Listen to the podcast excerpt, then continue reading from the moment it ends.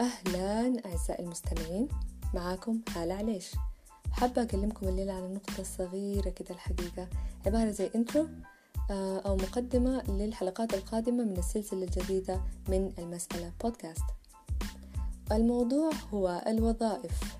عايزة أوريكم ماذا نقصد بالوظائف أو ال functions لما نتكلم عن اختبار 16 شخصية ال MBTI عايزاكم تتخيلوا معاي كده إنه أنتوا نفسكم أنا كهالة سيارة عربية. الشخص اللي بيقود السيارة هو الشخص اللي بي بيتحكم بمسار السيارة. هو الشخص اللي عليه المسؤولية الكاملة. هو الشخص الشغال واعي الوقت كله.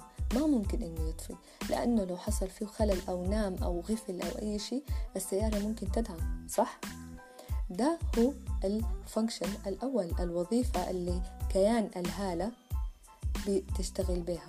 أنا الوظيفة اللي بتحركني الأساسية هي الشخص القائد سيارتي والوظيفة الثانية هي الشخص القاعد جنب السائق السيارة وهو بيحدد بي لو ده آه يعني غفل الشخص السائق سايق السيارة الثاني بيقدر إنه يوجهه ويصلح المشكلة. فدي هي الوظيفة الثانية الهالة أنا بستخدمها. آه ورا في السيارة في اثنين كمان قاعدين.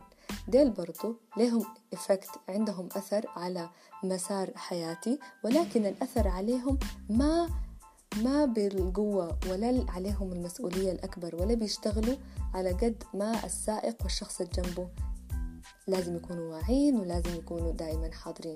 أتمنى أن الموضوع ده بسط عليكم شوية. هذه هي ال functions أو الوظائف فالشخصيات الموجودة هسه أنا قلت عليها موجودة في السيارة بتاعتي أنا كهالة هي الوظائف الأربعة الأساسية اللي أنا بشتغل بها هي الوظائف الأربعة الأساسية.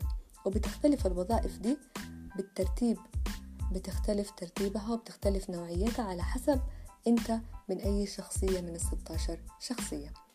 آه، في كمان شخصيات تانية أوكسيلري زيادة لكن دي ما التركيز عليها. فالتركيز هنا أساسي على الشخصية الوظائف الأساسية اللي بتحرك الشخص.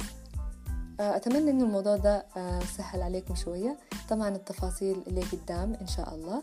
مع السلامة.